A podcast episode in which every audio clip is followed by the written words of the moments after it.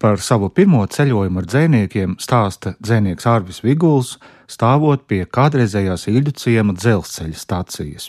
Viņa atmiņas papildina ceļojuma organizatore dzēniece Ērika Bērziņa. Pirmais ceļojums ar dzēniekiem, kurā es biju kā skatītājs, bija Torņa kalnā 2005. gadā. Jā. Un pirmais, kurā es piedalījos, bija Meža parkā. Nu, meža parks man izkritis no galvas, bet tas bija viens no retajiem ceļojumiem, kad līja lietus. Jo visus šos gadus eh, ceļojuma laikā spīd saule.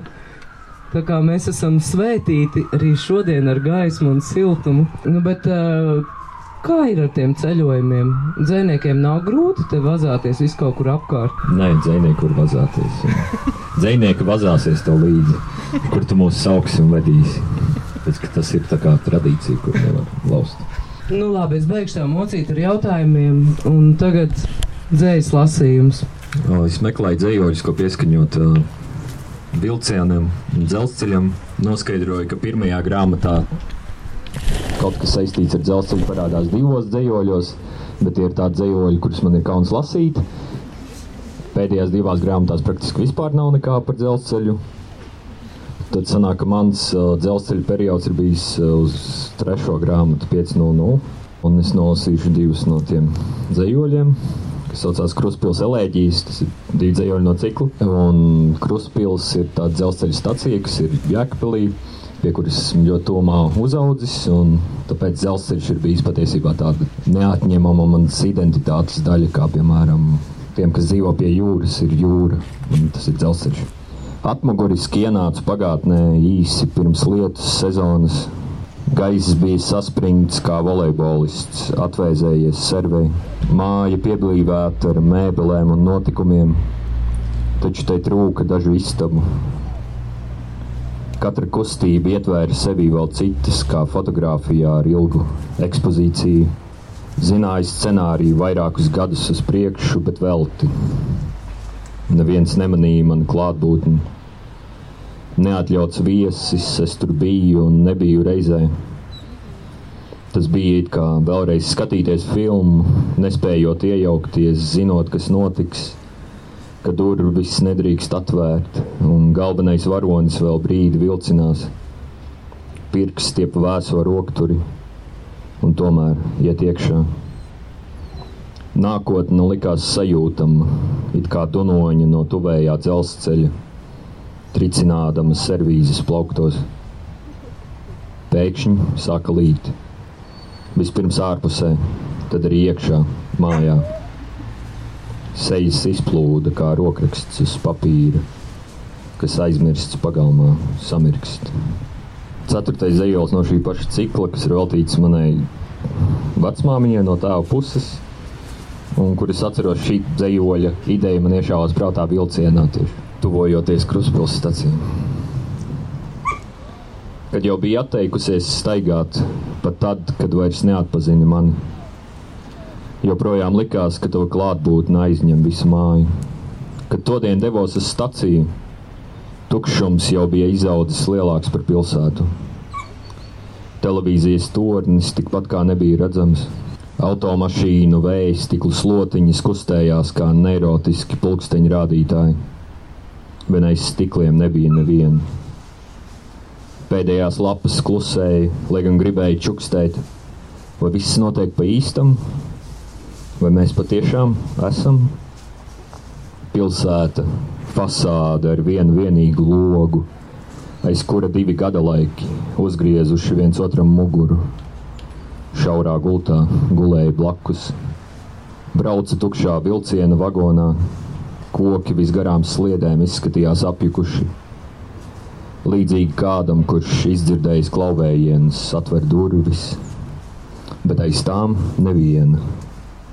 Un likās nezināja, ko iesākt ar tukšajiem zariem. Vai kā radinieku rinda, melnā, iekaisušām acīm un atmiņu sakairinātu, kamēr tukšums nākdams kaut kur no iekšpuses uzkāpis līdz motei. Un tad es skatījos un meklēju vēl dzējoļus par vilcieniem un dzelzceļu. Un tad es sapratu, kāpēc ir tik maz dzelzceļa manās grāmatās, jo neviens zejolis, kas nav publicēts nevienā grāmatā, bet ir man liekas, publicēts citās eh, presē un citās valodās. Un tas, acīm redzot, šis zejolis ir savācis visu, ko man ir iespējams teikt par uh, vilcieniem un dzelzceļu. Latvijas dzelzceļš. Atceries atvadas un nogurumu uz peroniem, uzgaidāmajās zālēs, gurušas sievietes, kas es lodziņā pārskaitām naudu, Atceries garlaicības rakstus locījuma vietās uz biļetēm, drūzmu tukšos un aizmirstību pārpildītos vagonos, iemigušo pasažieru sejas, ka tie nemierīgi svaidījās, aizskardami blakus sēdošos, murminādami neskaidrus vārdus. Atceries, vienmēr piesmēķēto tamburu, asot oliķis smaku, tās poda un izlietnes metālu blāvo, melno eju starp vagoniem pēdējā vilciena nolemtību, riteņu klaboņus, vilpes, dzelzceļa pārbrauktuves šķērskokus, sliežu gulšņus. Atceries skumjo dzelzceļnieku muļķīgā cepurē ar zizli. Tāds viņš sagaidīja vilcienus tajā stacijā, kur neizkāpa neviens. Atceries dažādas cietības sēdekļus, grūti atveramos logus, vienmuļo ainavu tajos, svešas sarunas, sviedrus, bezmaksas avīzi, ko pēc lasīšanas atstājusi sēdekļa, pazaudētas, aizmirstas lietas, somiņas, cimdus, lietu sargus, slīdošo durvju rokturus, neskaitāmos pirkstu nospiedumus un nokasītās uzlīmes ar uzrakstu aizliegts smēķēt.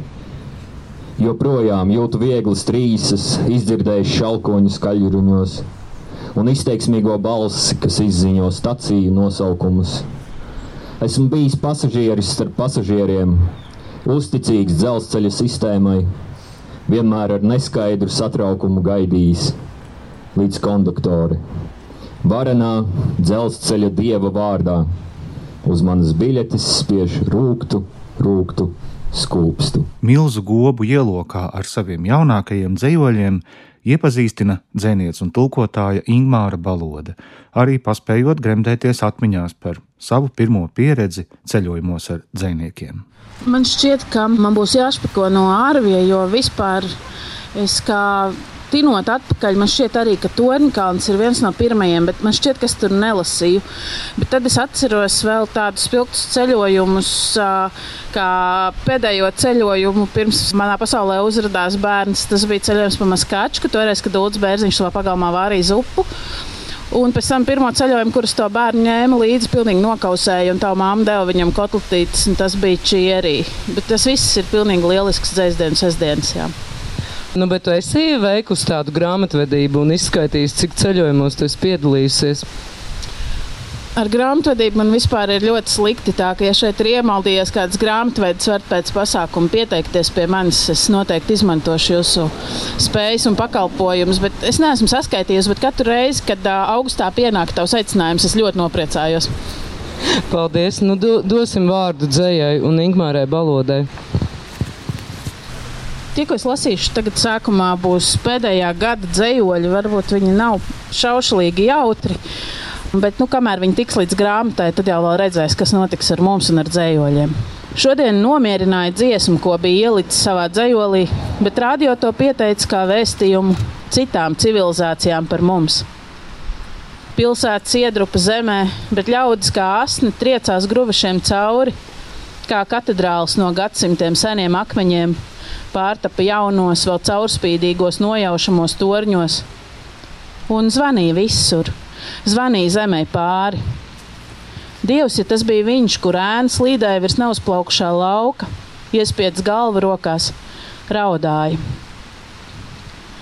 Putni, zīlītes un zvirbuļi uz palodzes uzmetas, bet logam nepieskaras.